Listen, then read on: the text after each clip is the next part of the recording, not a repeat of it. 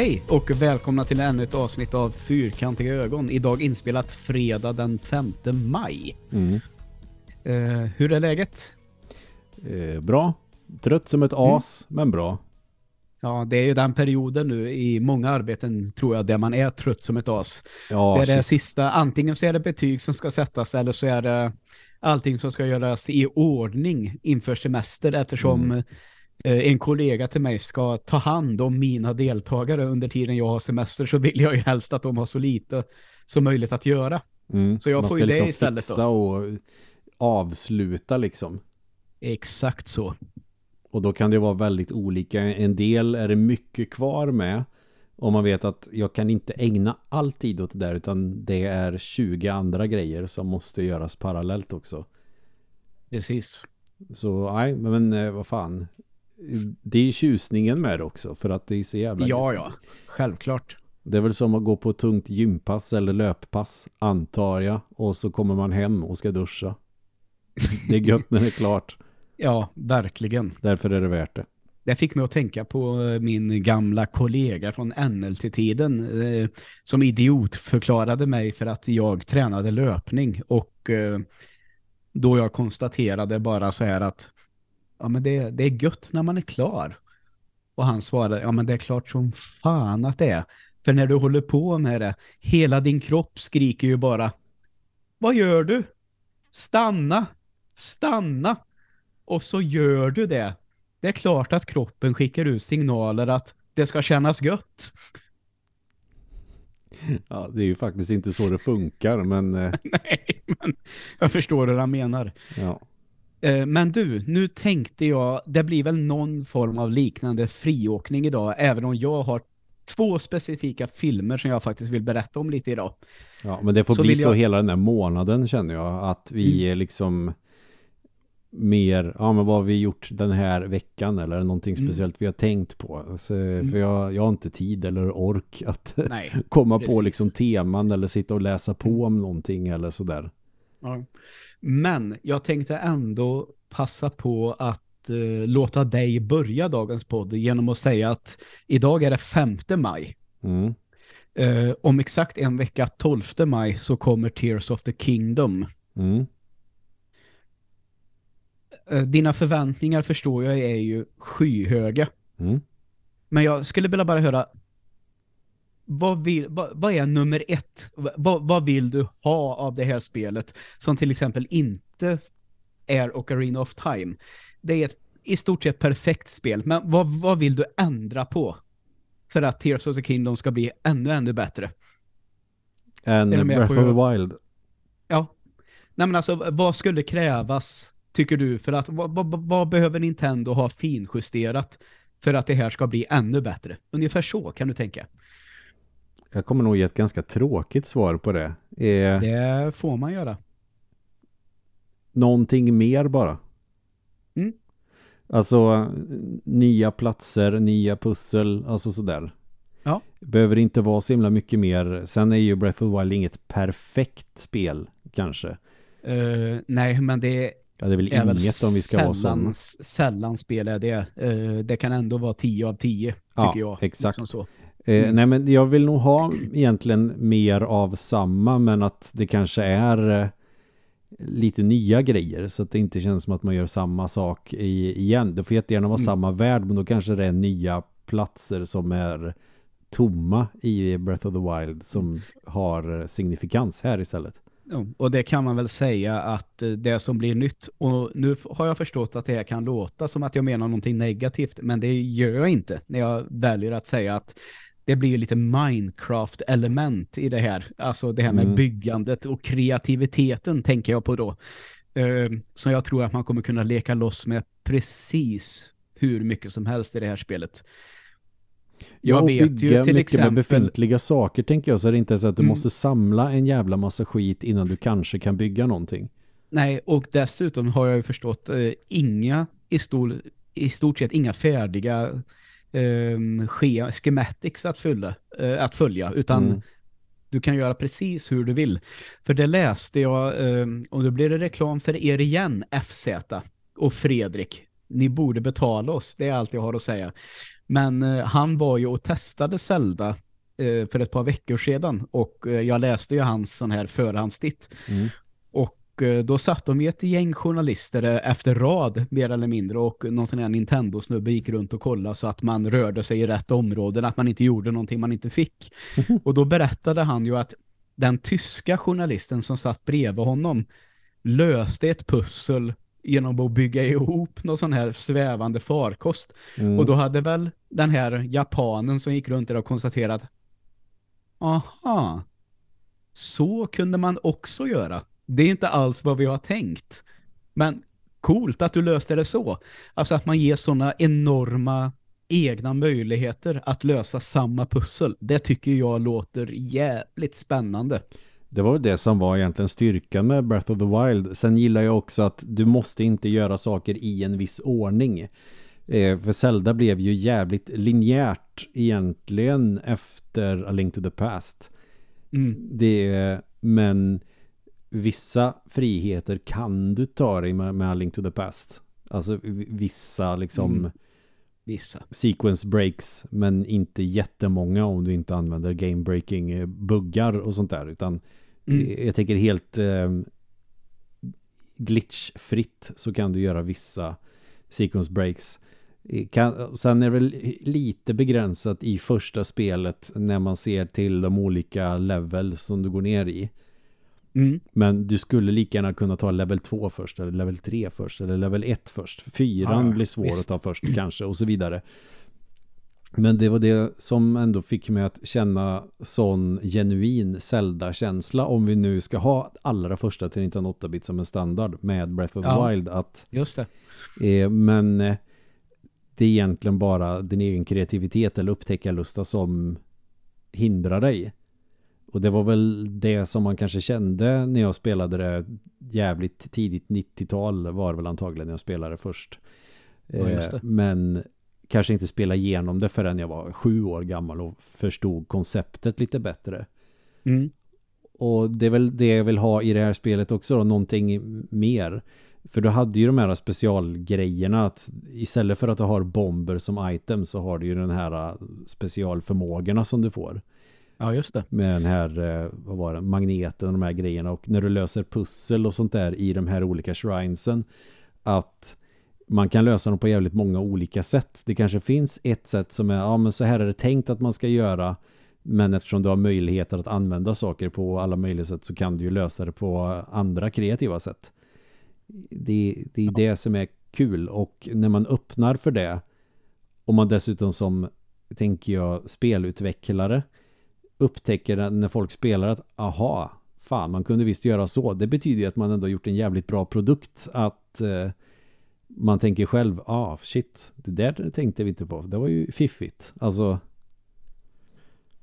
då har man ju utvecklat den alltså den eh, grejen på ett jävligt Mm. bra sätt att det är inte begränsat. Det skulle kunna, ja det finns hundra olika möjligheter som vi har skapat som du kan göra det här på utan förutsättningarna skapas av spelaren på något sätt. Det kanske låter jävligt rörigt nu för att eh, det är svårt att uttrycka i ord exakt. Men det är det som jag gillar att eh, ja, men så här funkar fysiken, så här funkar förmågorna. I teorin så skulle du lika gärna bara kunna göra så här och så har du klarat det. Mm. Så jag tror att det kan bli många sådana möjligheter.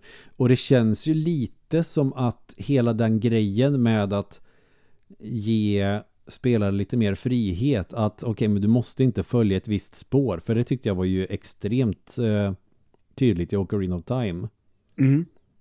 att man ska vara på ett visst ställe vid en viss tidpunkt i spelet. Sen fanns det väl lite grejer du kunde göra vid sidan av men det var ju mer liknande sidequests i andra typer av rollspel. Ja, just det. Just det. Och så kanske inte har någon större betydelse för spelet nödvändigtvis. Och det gjorde ju att Zelda blev ju mer som ett regelrätt äventyrsspel mer än ett vad ska man säga? Fritt äventyrsspel. Ja. Eller ett, kanske mer ett plattformsspel. Jag vet inte. Skitsamma. Ja. En kombination där kanske helt enkelt. Ja, men när eh, A Link Between Worlds kom så kändes det ju som att ja, du känner till den här världen. Ja, just det. Just det. Eh, vill du ta den borgen först så behöver du ha den grejen. Du, för det är ju också det, så har det alltid varit i Zelda-spel. För att kunna klara den här banan så måste du ha hittat den här grejen på förra banan. Det mm. tog de ju bort, inte helt, men nästan. Du fick lite mer frihet. Men säga, men jag vill göra det här nu. När jag ändå ja, sprungit det, runt på den här det. kartan och upptäckt ett nytt ställe så är det ju jävligt tråkigt att det är ett ställe som jag inte ska vara vid förrän långt senare i spelet. ja, just det. Det tyckte jag de gjorde bra med uh, A Link Between Worlds. Mm, det har jag ju faktiskt inte spelat, men den stora grejen i det, kan man hoppa in i väggen typ, eller hur fan är det nu? Ja, du eh, kan ju bli som en tavla. Alltså helt 2D ja, och sen kan ja, du gå men, längs ja, väggar precis. som 2D. Så, ja, det var så jag menade. Och det öppnar också för liksom ganska roliga kreativa lösningar. Så vi skulle väl kunna säga så här då, för de som har spelat både A Link to the Past och A Link Between Worlds borde mm. nog förstå vad jag menar att jag vill att eh, Tears of the Kingdom ska ha det som jag vill att övergången från Breath of the Wild till Tears of the Kingdom ska vara som övergången från A Link to the Past till A Link eh, Between Worlds. Ja, men det var väl en alldeles utmärkt förklaring. För Link Between Worlds eh, tycker jag är märkligt att folk inte pratar mer om för det är så jävla bra spel. Mm.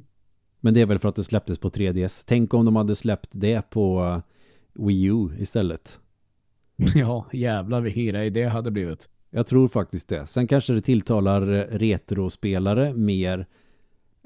Men fan, jag tror det skulle hålla. Alltså, eh, om en nästan karbonkopie remake av Link's Awakening ändå borde, det gick väl rätt bra. Det måste ha gjort. Det var ju ingen flopp direkt. Ja, nej, det måste det ha gjort. Då hade jag Link Between Worlds definitivt klarat det. Mm, det tror jag också. Och Link's Awakening är ju också ett Zelda-spel som också egentligen förtjänar lite mer kärlek. Det var ju stort ja. som fan på 90-talet då när det kom.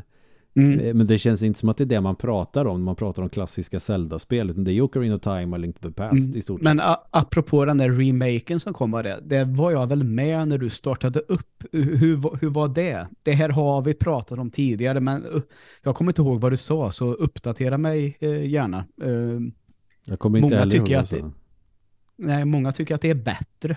liksom att det i sin moderna skrud så att säga kanske har mått bra av det. Ja, Eller hur känner du? Ja, ja, mm. absolut. Tänk om de kunde göra samma sak med de eh, andra två Oracle of eh, Seasons och det andra vad den hette. Mm.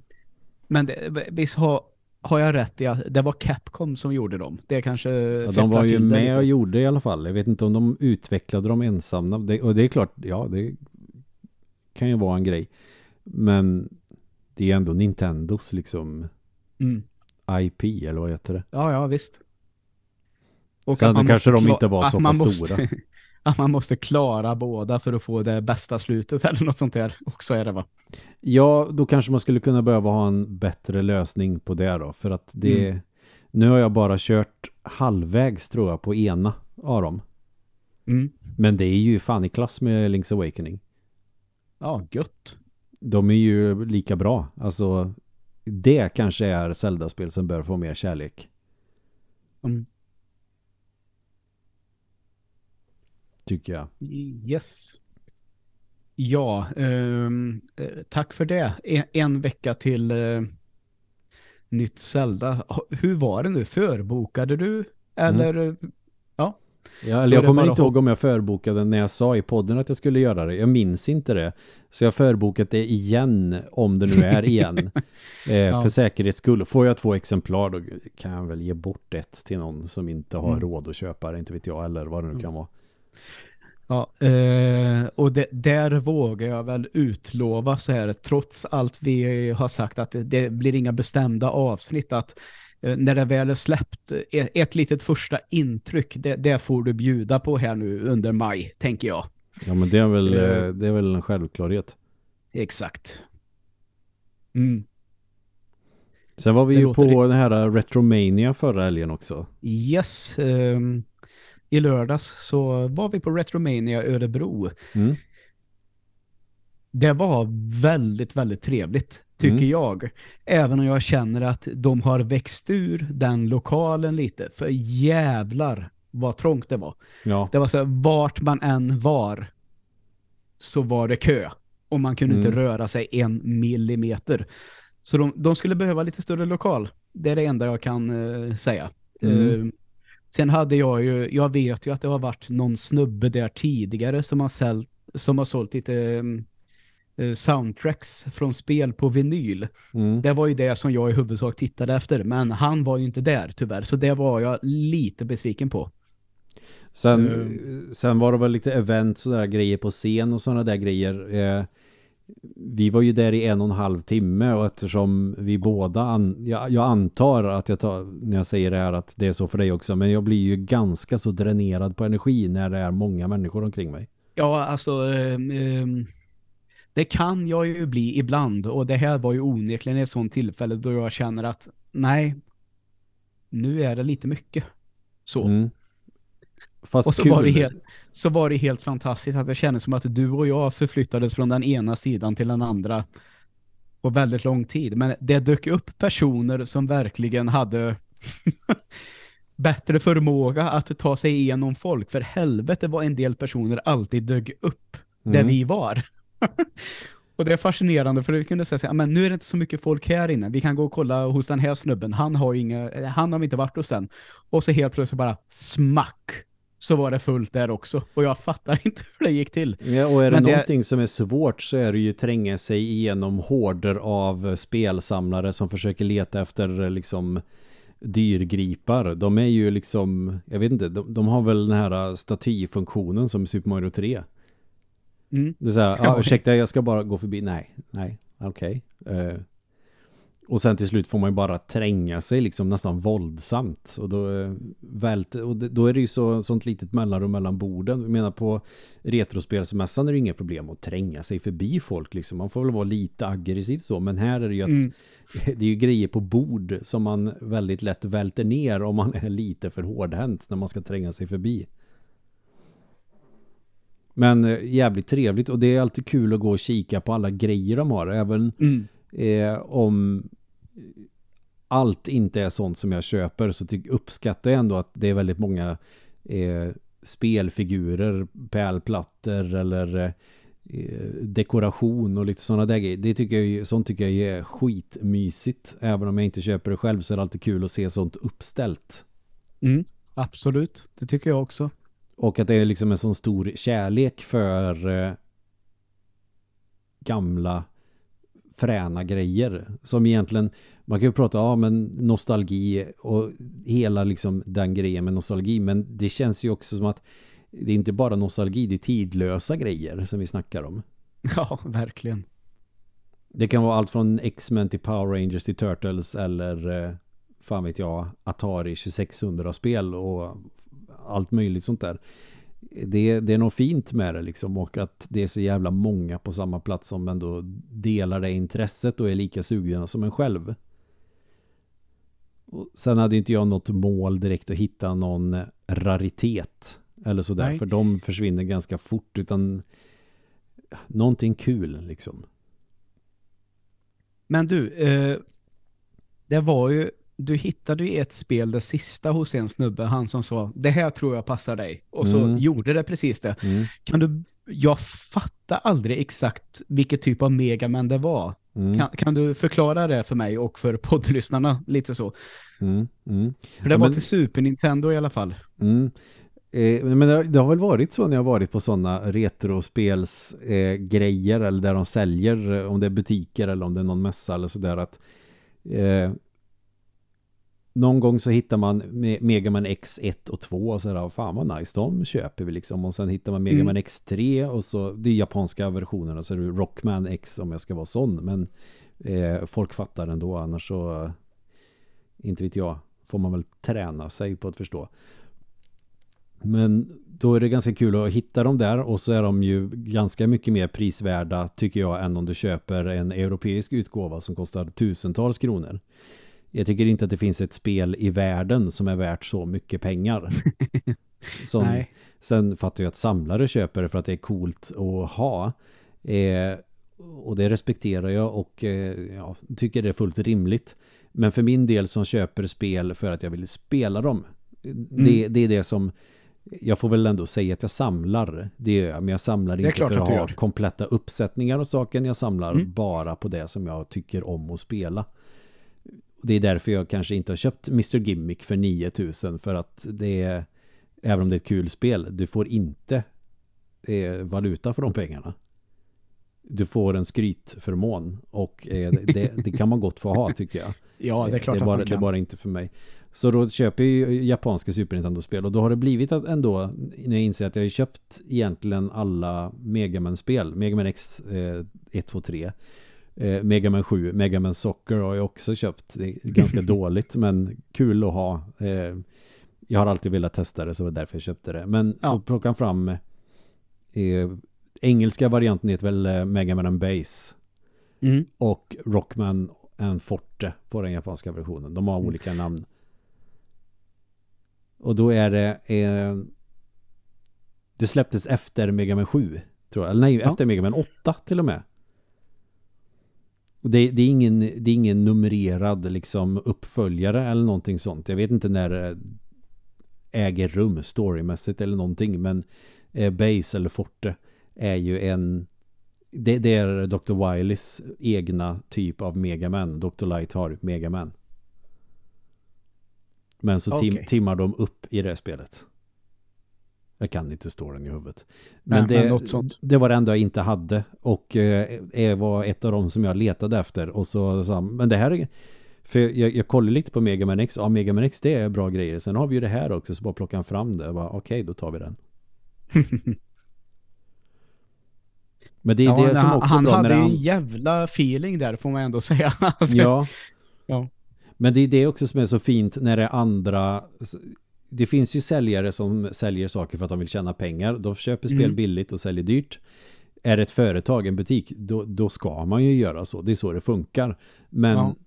eh, jag har ju mer respekt för personer som köper spel och för att sälja vidare för att de själva har ett sånt genuint intresse för att det finns en passion bakom. Ja. För eh, de har ju också en förmåga att se vad man har för spelsmak och då kan de säga, ja men det här skulle du gilla. Det är, det är ju ingenting som du kan lära dig i någon marknadsföringskurs eller någonting utan du måste nej, ha ett nej. genuint intresse för den specifika saken för att förstå det. Mm. Och det tycker jag är fint med att gå på sådana ställen att det är ju folk som blir precis lika glada av att köpa spel som jag fast det är de som står och säljer just nu. Ja, så att de, de vet vad, vad, man går igenom och bara så här, ah, okej okay, men du, det här skulle nog vara någonting. Mm. Och det är det som är kul med att gå på sådana ställen. Ja, jag uppskattade det jättemycket att få vara där. Jag kanske inte åker på det igen i Örebro där om de inte liksom fixar en bättre lokal. Men den här retrospelsmässan skulle jag istället kunna tänka mig att åka på då. Mm. Som är kanske lite större ändå. Ja, ja men absolut, sånt är svinroligt. Sen är det inte vi den här typen av poddar som står och rapporterar när vi står där och håller på och sådana där grejer. Nej, eh, riktigt är det vi inte. Vi, vi är lite mer low key. Ja, verkligen. Men vi träffade ju en poddlyssnare, ska vi ändå säga. Ja, Fredrik var, var där. väldigt, väldigt trevligt att ja, göra. Det var, det var kul att du kom fram, Fredrik, och att vi fick prata lite. Mm. Och vi fick ett ansikte på dig också. Superkul. Ja, men sånt gillar vi. Ja. Så det kan man väl tänka, om vi skulle bli skitkända, det här är rent hypotetiskt, eh, eh, men då, då kommer vi ju vara rätt low key. Då är det så här, okej, okay, vi, vi, hittar man oss så är det ju bara att hugga tag i oss och snacka så sätt. Men vi brukar inte så skylta, här, här, här är vi. Nej, nej, exakt så. Det kan jag gilla när andra gör. Alltså så, ja men det är ju de som har den podden om det är gaminggrannarna gänget stod ju där och sålde grejer mm. till exempel. Eller man ser Gillestugan-podd eller vad, mm. någon annan sån. Eh, de är ju rätt sköna liksom. Och så ser man, okej, okay, men de är här. Det är lite som fotbollslag med sina tröjor. Vi går ju mest på sådana ställen i egenskap av privatpersoner. Ja, såklart är det så. Men ja, jävligt trevligt. Och sen så eh, levde vi rövare lite grann i Örebro efteråt också. Och ja. blev attackerad av man- duvor och satt och Ja, flamsade loss helvete på, vad heta de var. flamsa loss på Burger King och så eh, Vet, jag kolla höll ju på att skivor. få en i fejan. Ja, jag vet. Det tyckte jag var jätteroligt. jag blev omringad av dem. Jag tänkte, okej, vill de hänga eller tror de att jag har mat nu för att jag prasslar med en påse? Mm. Då kan det vara, vet du. Är vi klara med Retromania? Ja, det är vi. Eh, har du inte Eh. varit där, åk dit alltså, nästa gång de har det. Det är lätt värt. Mm.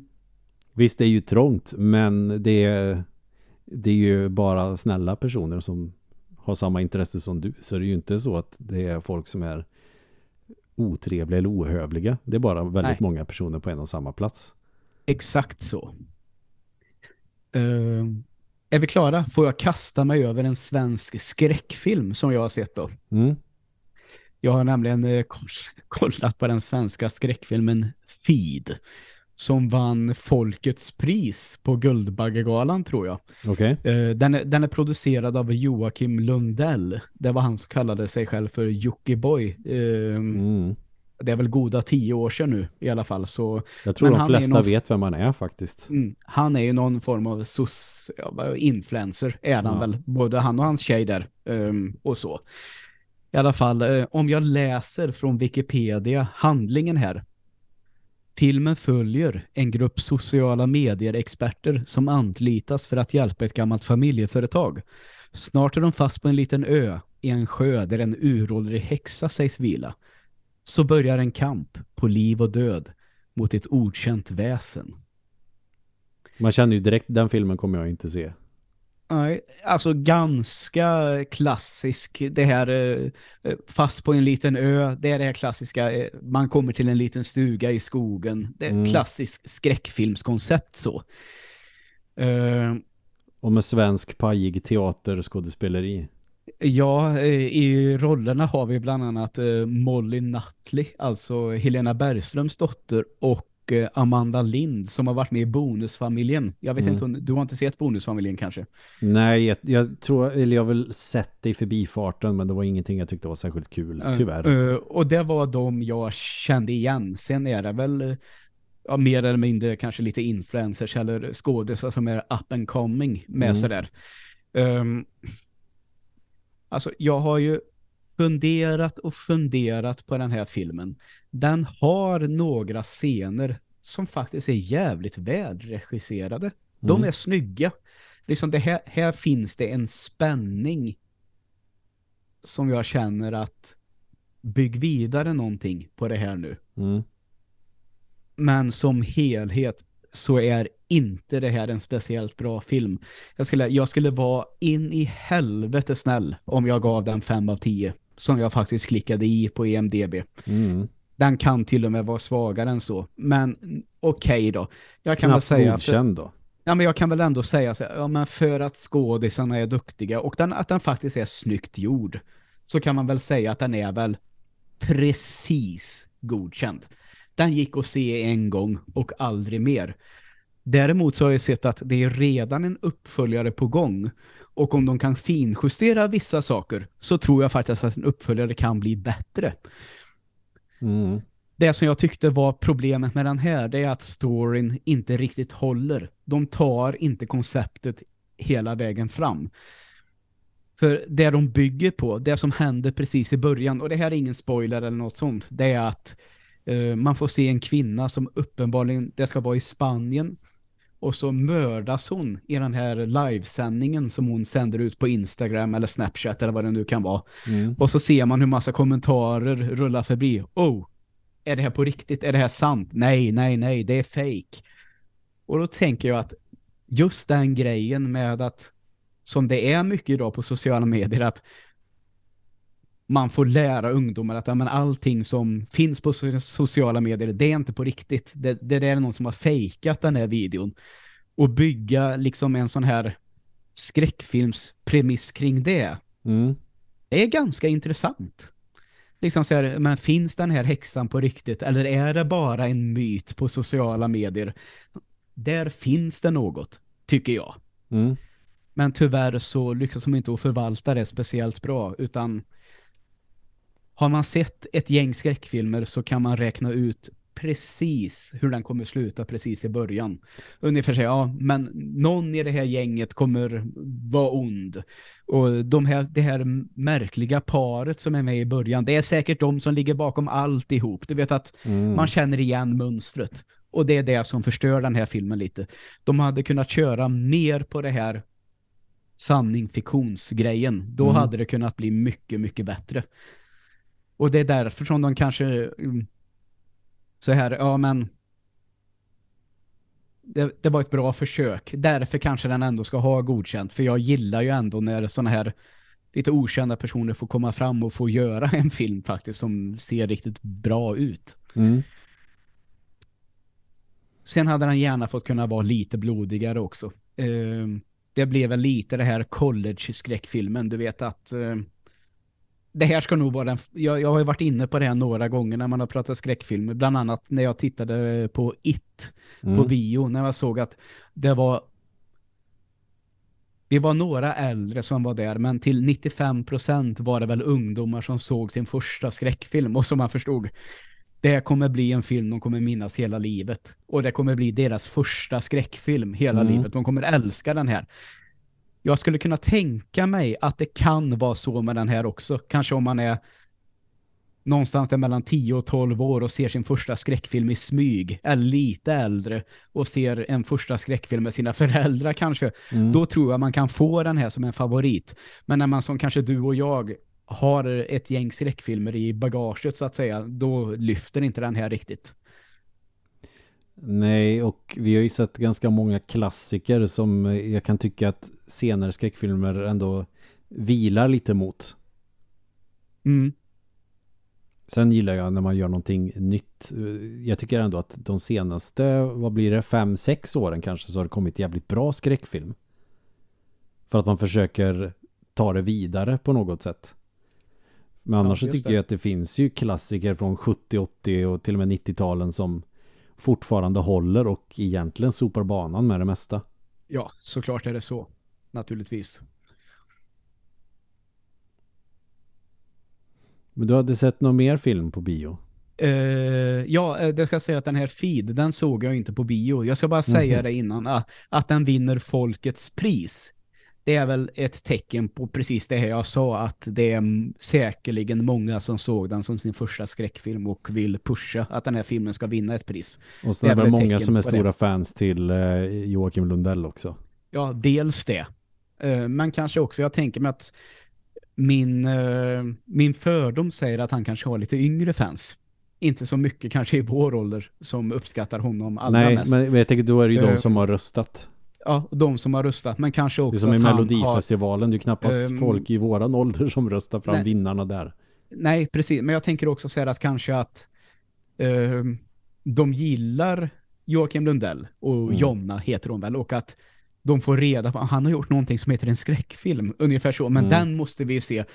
Så jag kan ändå tycka, för han är ju ett erkänt fan av skräckfilm. Mm. Så att kan, han kanske kan locka in sin publik och bli skräckfilmsfans. Så jag tycker och han kanske är asbra på att göra skräckfilm egentligen, bara att man har fått fel uppfattning av honom. Uh, ja, alltså det kan jag väl tänka, det får jag väl ändå erkänna att det fanns väl en tid då jag tyckte att han var en totalt jävla galning. Men till att han har ändå byggt upp ett YouTube-karriär så att jag har förstått att man kan inte vara helt inkompetent för att lyckas med det han har gjort. Så han, är, han är väl han är bra på det, på att vara influencer helt enkelt. Mm. Och kan han locka in fler människor i skräckfilmgenren som jag uppskattar så tycker jag bara att, ja, för all del Jocke, fortsätt göra skräckfilm. Förhoppningsvis kommer det bara att bli bättre och bättre än din första.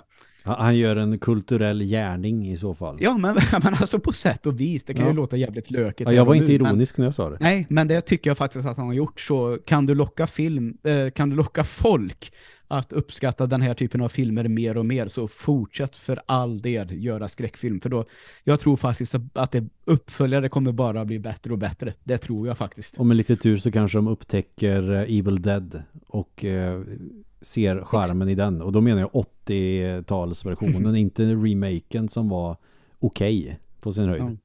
ja. Um, men där är vi klara med den tänker jag. Men jag var ju faktiskt orsaken till att vi uh, spelar in en fredag. Det är ju att jag var på bio igår. Uh, och jag var och kollade på ännu en uh, Marvel-film. Nämligen Guardians of the Galaxy Volume 3. Och det får jag ändå säga så här att du och jag var på Spider-Man den hette No Way Home va? Tror det. Eller Far, ja, No Way Home. Den tyckte jag var kanon. Det var liksom så här 8 av 10, så jävla underhållande och den spelade på precis rätt nostalgiska strängar. Mm. Så att jag gick därifrån med ett leende. Sen har jag bland annat varit på eh, Thor och jag har varit på en Ant-Man-film och faktiskt gått därifrån lite besviken och fundera på vad ska Marvel göra med den här franchisen de har nu efter Thanos och Infinity War och Endgame. Det liksom det kändes att de toppar ju något så in i helvete där. Mm. Och liksom det blir så här alla superhjältar tillsammans man har byggt upp till det här i flera, flera år. Ja, de två senaste Men... Avengers-filmerna sopar ju verkligen banan med de som kom tidigare. Ja, det håller jag med om. Men just det här att det känns ju lite så här, man har gjort sig av med det största hotet i universum. Vem ska vara det stora hotet nu? Mm. Och att de inte har lyckats att bygga upp till nästa stora hot, det har blivit ett dilemma, tycker jag. Um, de försöker verkligen, men det har inte alls lyft. Därför så har jag tyckt att det har varit ganska spännande med den här Guardians of the Galaxy 3. För de filmerna, ettan, tvåan, trean nu då, de har ändå känt, de har stått lite utanför det här. Han, regissören James Gunn, han har kört sin grej och inte tänkt på att det här ska inte ingå i någon större helhet och så vidare och så vidare. Och därför så kan jag nog känna att det här är en trilogi som har avslutats med den här tredje filmen. Mm. Och jag skrattade jätte, jättemycket på bion igår. Det var precis rätt balans mellan det här vet, eh, ifall man går över den där gränsen så att det bara blir löjligt. Det mm. känns som att de, de letar efter märkliga karaktärer som är gjorda för att skratta åt. Därför var en faktiskt på sätt och vis total katastrof i sin humor mm. så prickar den här helt rätt. Det var länge sedan jag skrattade så här mycket på bio, det ska jag säga. Samtidigt som de kan få in in i helvete snygg action. Nästan en sån där scen som är blandat slow motion, blandat eh, vanligt tempo och allt ackompanjerar på den här No Sleep in, vad är den? No, den här, eh, man gud, No fan. Sleep till Brooklyn. No Sleep till Brooklyn. Eh, som öser på i bakgrunden. Sjukt snygg actionscen. En sån här som man nästan skulle kunna säga, om jag skulle lära ut hur man gör actionfilm på universitet. Mm. Så skulle jag kunna ha med den scenen som exempel. Okej. Okay. Um, ehm, jag, jag är faktiskt mer än nöjd med den här. Det är den bästa sen du och jag var och såg Spiderman. Mm. Uh, sen har man ju lärt känna de här karaktärerna dels under de här Guardians of the Galaxy-filmerna men även i Infinity War och Endgame. Så man känner faktiskt för dem. Ja. Uh, vilket är viktigt. Hur löjligt det kan än, än kan låta i och med att det är en superhjältefilm så lyckas den med den biten också. Och det kan jag tycka så här att det är det de har saknat de senaste filmerna nu och som kanske höjer den här filmen absolut inte ett mästerverk. Men även som att de är tillbaka på en bättre nivå nu igen. Och så får vi hoppas att det fortsätter så. Ja, det hoppas jag. Jag, jag, jag har fått... Eh, jag har blivit lite gladare i Marvel-film faktiskt. Ja, men alltså för, för, att sätta i perspektiv hur jag tänker kring de här filmerna så uh, före Endgame, då tyckte jag väl att de allra flesta Marvel-filmerna hamnar kring ett betyg kring 7 av 10. Sen kom det några som var bättre än det. Mm. Men jag tyckte faktiskt att 7 av 10, det var bra standard. De var mm. sällan sämre än det. Medan eh, det efter Spiderman-filmen då kanske har krypit ner mot sexor eller faktiskt ibland kanske en och annan femma. Mm. Vilket har känt, ska det här bli den nya standarden så känns det jävligt tråkigt. Men att jag skulle kunna tänka mig att peta upp den här på en sjua igen kanske, så att de är liksom tillbaka som det en gång var. Och det blir liksom ingen så här halvkass slentrian-film efter att man har gjort sin bästa. Nej, precis. Och sen kan man ju återigen då fråga sig att vad ska de landa i? För någon gång så måste det komma Avengers-filmer igen då de ska samla så många det bara går. Och jag känner inte riktigt att vi är på väg mot det. Och det är fan med bara ett par år kvar tills vi ska vara där. Då man ska ha fått en känsla för, aha, det är det här som den stora storyn handlar om i de här filmerna. Det är den här bad guyen som ska vara ett sånt hot att jag klarar av att faktiskt engagera mig lite i den här storyn. Men ja, jag undrar jag hur det här ska gå. Ja. Ja, vi får hoppas att du Sen, inte ligger sömnlös över det. Nej, men nu, nu hör jag ju hur det låter. Men det är klart att jag skiter i vilket egentligen. Jag vill bara gå och se bra film. Men eftersom superhjältefilmer har fått en sån helt annan status mycket tack vare Marvel-filmerna och Nolan-trilogin för all del. Mm. Men det är kanske skillnaden där. Om Nolan går för lite mer, och nu sätter jag såna här realism, ja. realism så har ju verkligen Marvel kört vidare på det här. Ja, men serietidningarna, det är det vi utgår ifrån. Nu kommer det på den stora duken. Men mm. det känns ju ändå verkligen, verkligen som serietidningar än vad Nolans filmer gör. Därför kan jag tycka att ska det här spåra ur nu så tycker jag ändå att det vore lite tråkigt. Det får jag erkänna. Du kanske de inte skulle ha gjort de sista Avengers-filmerna. Om det är Nej, de men, som gör att, okej okay, men nu har vi, nu känns det. Sen tror jag att det kanske blir svårt också när alla de här Marvel-filmerna ska ha en koppling till varandra. Mm. Då tror men, jag nog att det, det, blir svårt att få till ett bra narrativ också. Om du har, ja oh, nu är det den mm. superhjälten men de har ju redan gjort det viktigaste. Vad fan men, gör alltså, den det, nu? Det var ju det som det var ju det som de lyckades med så jävla snyggt i den här Infinity Saga som den nu kallas. Och som de jag var och tittade på igår, en av dem, Björn, han var ju lite så här, men den här tog ju inte, den gav ju inte helhetsstoryn något steg framåt. Det kanske han irriterar sig på, medan jag kanske kände så här, nej men det här är ju en Guardians-film, den behöver väl inte bry sig om nästa skurk, utan kan det inte bara få vara det här? Mm. Och det kan jag tycka kan det den här livsfarliga universums fiende nummer ett, han kanske är borta i och med Thanos. Kan vi inte bara få underhållande film nu? Måste det leda fram till en större helhet? Nej, jag är inte säker på att jag tycker att det måste det.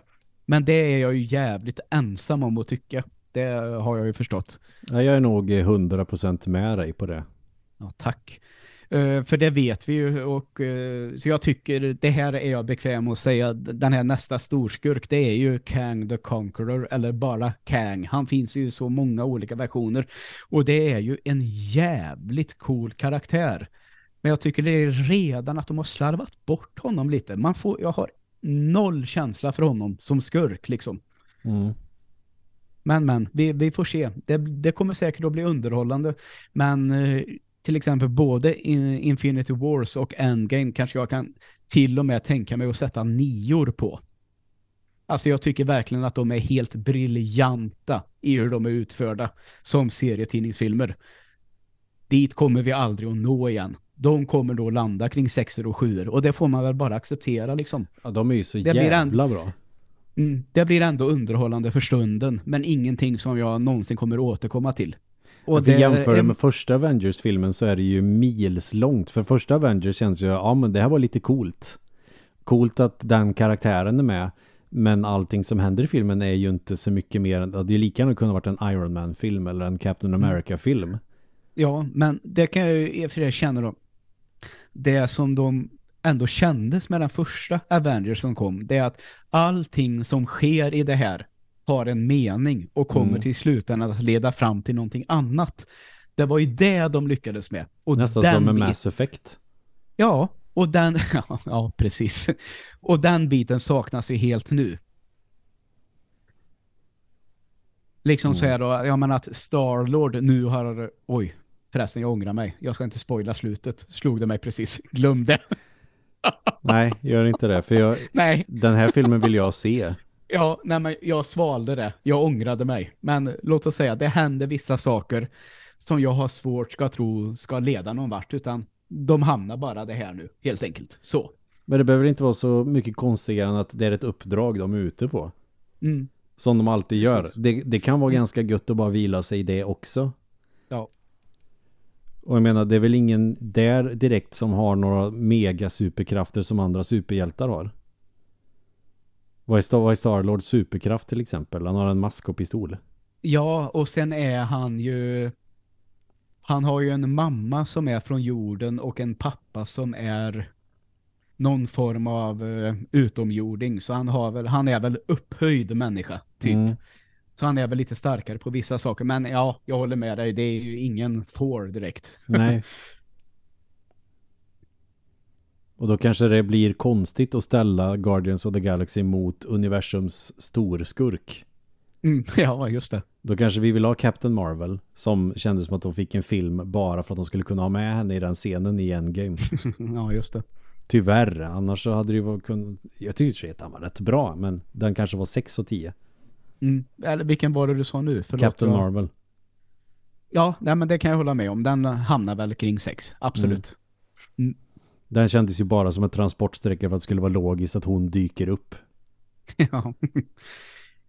ja. Vilket kändes lite antiklimaktiskt faktiskt. Det är väl den enda grejen jag har lite att klaga på i eh, Endgame. Men samtidigt vilken signifikans hade alla andra superhjältar haft om hon hade varit med mer? Ja, nej, utan det blir ju så. Varför är hon inte med mer? Nej, men hon är för jävla mäktig. Hur ska vi få bort henne?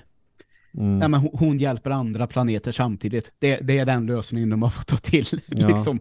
Och det, ja, eh, det här vi pratade om med Breath of the Wild. Eh, inget spel har sina brister.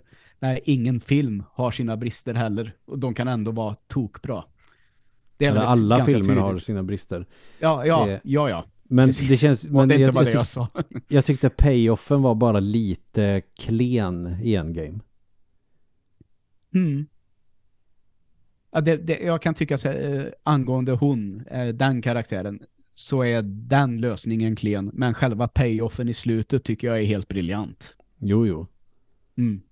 Men eh, frågan är, behövde hon varit med ens? Överhuvudtaget.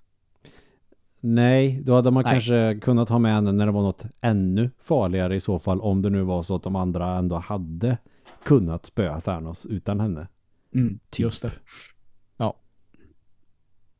Men, men. Det, det är väl en debatt man får på de här internetfora som nördar hänger på. Mm.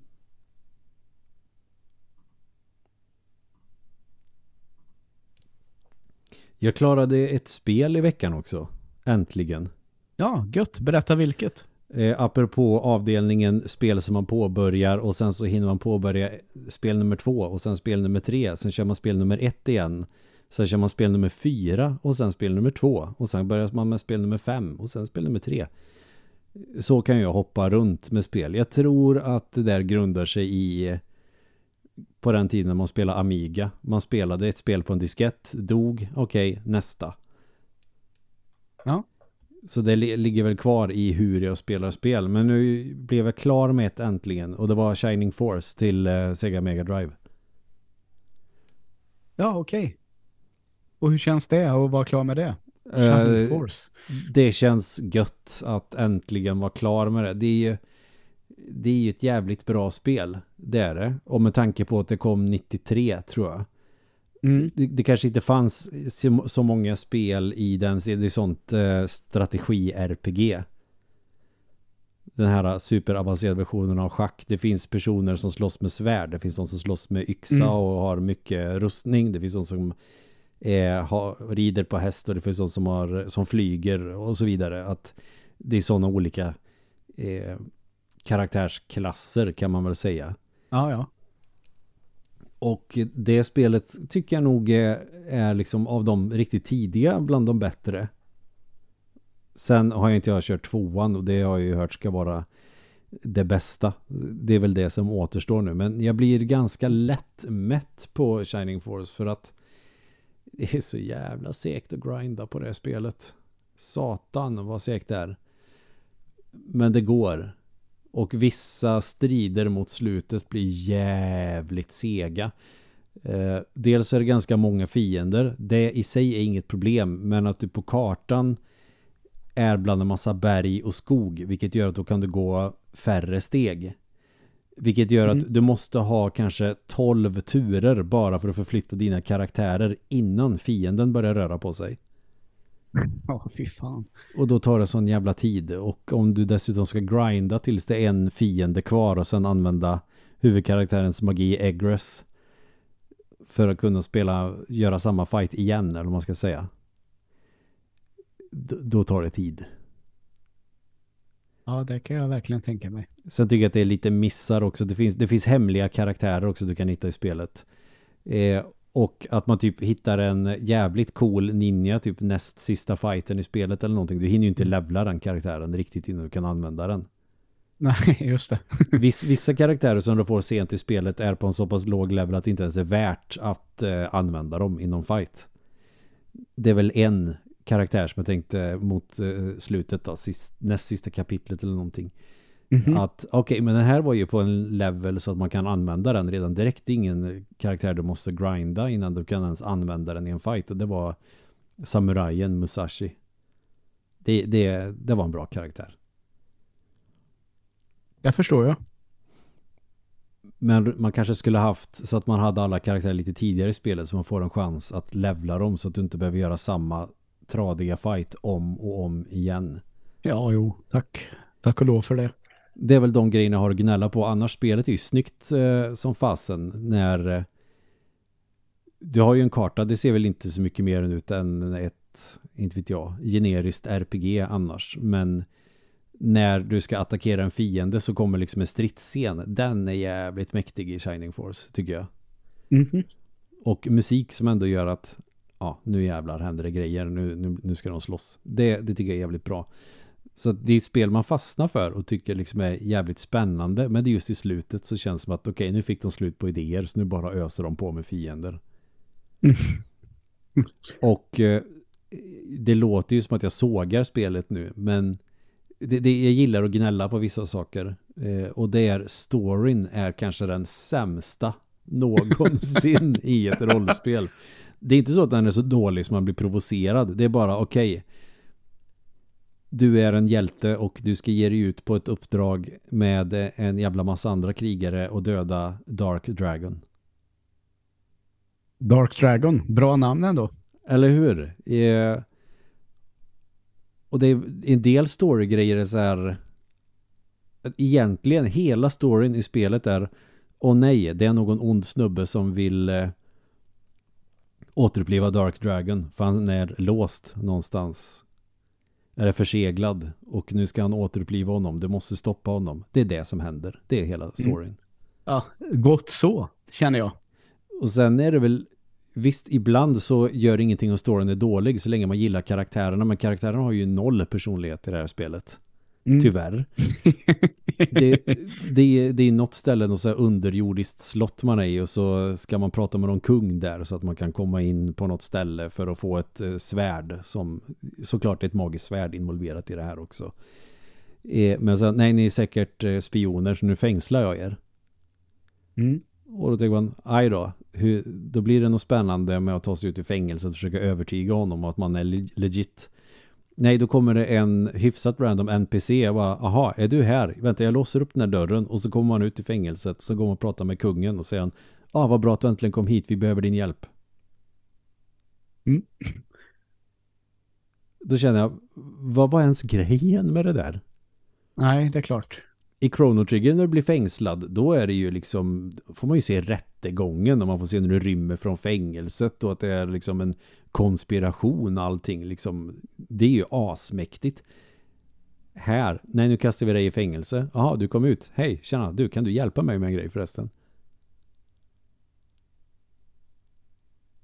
Ja, men räcker inte det ibland då? Ja, men på på något sätt. Nej, nej det, i det här fallet så gör det inte det. I vissa spel så behöver det inte vara så mycket story för att man ska köpa det. Nej. Som i Zelda, oj, din farbror dog, du fick svärd och sköld av honom. Så nu går du vidare och så nämns han inte ens. Han har inte någon betydande roll för spelet överhuvudtaget. Men i A Link to the Past funkar det. Mm.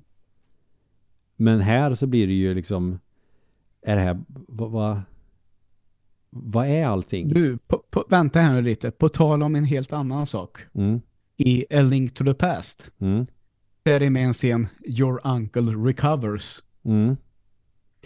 Kan du se framför dig när Link har gått förbi honom där och tagit över svärdet att kröp han tillbaka hem då? Han är ju inte i huset en enda gång när man går in där under spelets gång.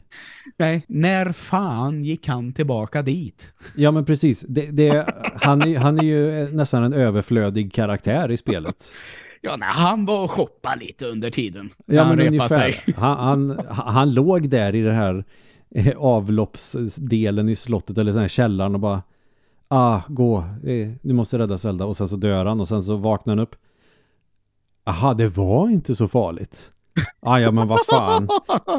Jag drar väl Ja. iväg då, det var ju farligt här. Mm. Det, det, det, det fixar eh, min brorson, eller vad? Mm. Men Eller så var det men Missing men People som hittade honom. Ja, han bara ah, ja, men nu har jag gett bort mitt svärd. Jag får gå och hämta Master Sword. Och så går han till Lost Woods och där går han bort. Och Precis. så, och sen när Link slåss mot Ganon i slutet som Missing People bara Vad fan gör du här? Ja, alltså jag letar ju efter en svamp som alltid har legat här men den har ju försvunnit och sen så gick jag bort mig som fan och sen kom det en tjuv och tog alla mina grejer. Så nu har jag ingen aning vart det är och när jag skulle hämta Master Sword så var det borta. Sen kom Mm. jag inte ihåg något mer.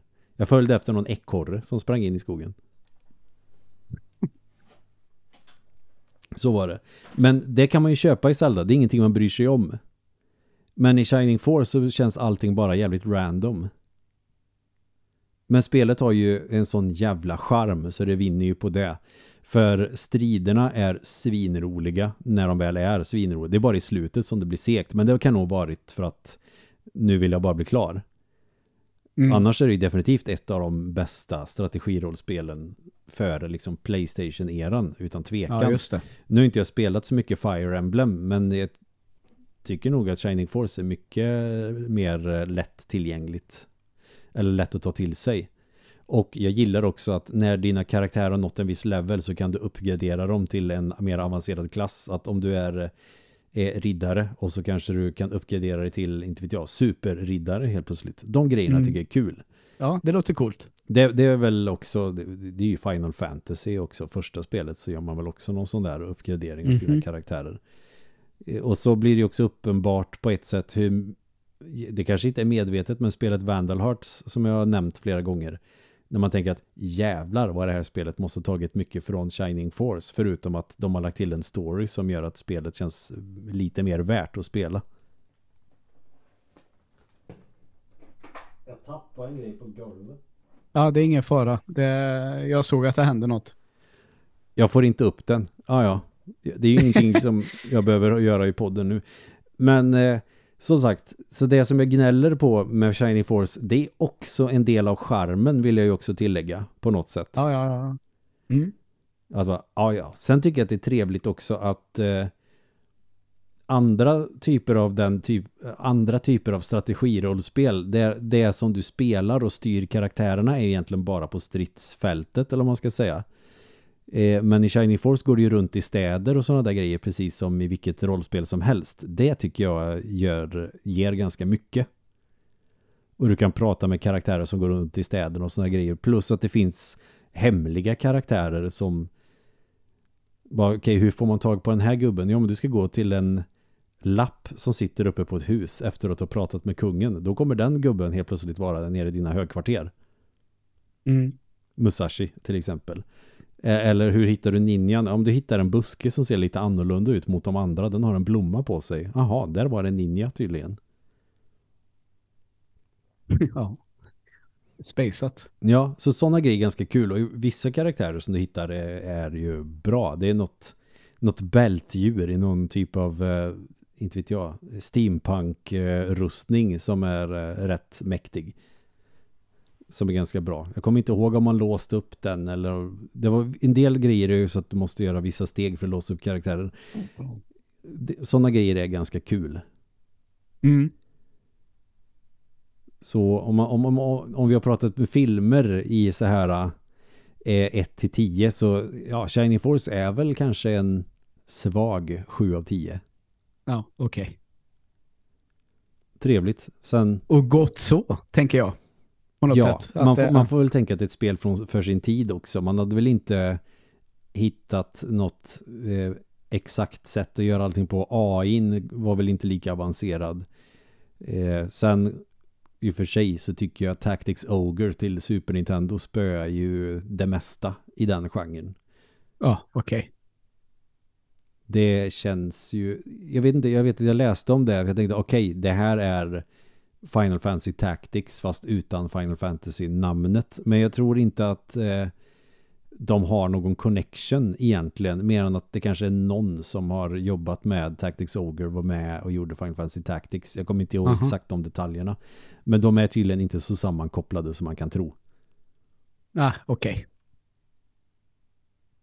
Men bra. Alltså Tactics Ogre skulle jag ju eh, säga kanske är det bästa sån strategirollspel på 16-bit.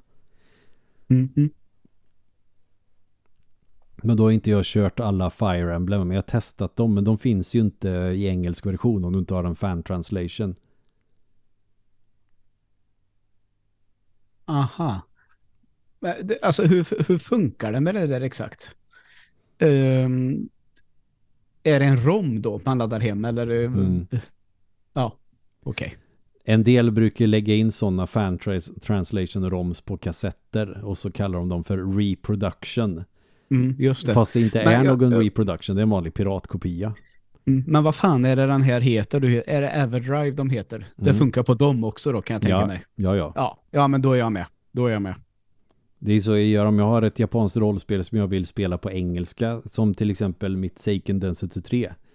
Jag, jag, kan inte läsa så mycket japanska. Lite grann kan jag faktiskt, men inte så att jag skulle begripa en djup story. Det är väl mer itemnamn och, eh, såna, och namn på karaktärer, sådana enkla grejer skulle jag ju kunna läsa, men så där kanske jag gör en romdump av den kassetten och så mm -hmm. laddar jag hem en patch på nätet som jag patchar den rommen med och lägger på en eh, Everdrive till exempel och köper mitt Super Nintendo. Ja, okej. Okay. Och då kan vi säga, varför laddar du inte bara hem på internet och sådär? Det är någonting gött på något sätt att man faktiskt har spelet och har sitt eget exemplar som man dumpar till en datafil fast den är identisk med grejerna du kan hitta på nätet. Ja, just det. Men jag skulle definitivt rekommendera Shining Force om man gillar den typen av spel. Ja, gött. Det finns eh, när man också uppgraderar gubbarna. Det här tyckte jag också, det blev också lite förvånad över, bara så att man är beredd på det. Dels det är från level 10 som du kan uppgradera dem. Mm. Men du kan levla dem hela vägen till level 20. Men då får du grinda 20. sönder. Men när du levlar eller när du uppgraderar gubbarna då får de level 1 igen. Och de är lite svagare allmänt än vad de var tidigare. Det vill säga att de har mindre hälsa, mindre strength och, och de här grejerna. Men du får tillbaka de statsen efter typ 4-5 levlar. För det kan vara så att man, man kan klara sig ganska gott i en bra bit in i spelet med de level 20-karaktärerna. Men när fienderna börjar bli lite svårare och du levlar många så att de bara har level 1, då blir det svårt. Mm, okej. Okay. Men kul. Visst, det har ganska många flås, men striderna är ju det som gör det spelet så jävla roligt. Ja. Och det är inte apkonstig eller man behöver inte tänka så där asmycket som när man kör andra typer av strategirollspel att åh nej, tänk om jag ställer den här karaktären här och fienden går så här och så. Man behöver inte tänka så himla mycket på det. Det är lite grann, nej. när dina karaktärer har gått tillräckligt långt då kommer vissa fiender som är i närheten, då kommer de aktiveras. Men alla andra fiender på spelplanen står stilla tills du är tillräckligt nära. Så man behöver inte vara liksom en mästerstrateg alltid när man kör det. Det är jävligt gött faktiskt. Ja, det, det lät ju ändå ganska positivt. För de här typen av spel kan jag ibland få lite panik på att det är så jävla... Att du, du nämnde schack tidigare. Mm. Sådär. Att man nästan måste vara en professionell schackspelare för att klara av vissa av de här spelen. Och det skrämmer mig lite. Men är det på rätt nivå så skulle jag kunna tänka mig att testa faktiskt. Mm. Ja men Shining Force är ett jättebra liksom så nybörjarspel. Mm. Det skulle jag ju ändå säga. Jag gillar karaktärsdesignen jättemycket också på karaktärerna. Ja, okej. Det huvudkaraktären ser ut som Link fast med ett pannband istället för mössa ungefär. Mm. Men det är också charmigt. Så att jag kommer väl att sätta tänderna i tvåan så småningom. Men nu är jag i alla fall äntligen klar. Shining Force är ett sånt spel jag påbörjat fem, sex gånger och så har det blivit antingen att eh, jag har gett upp och sen glömt bort allting eller så har jag fått en save-fil som har blivit korrupt. Ah, fy fan, det här med korrupt, det känns fan i hjärtat det. På något sätt, eller att allting har raderats. Men vad fan är det här nu då? Har allting Ja. bara raderats? Det har hänt tre gånger. Ja, det är fan eh, två gånger för mycket. Om Men- inte tre gånger för mycket. Ja, men nu fick jag tummen ur och bara köra igenom det. Kul. Mm. Men vad säger du, ska vi knyta ihop säcken där? Ja, jag tycker att vi känner oss rätt klara för idag faktiskt. Ja, jag känner också det. Men eh, då passar vi på att eh, tacka alla tre gånger. Ja, det gör vi. Vi säger så, hej.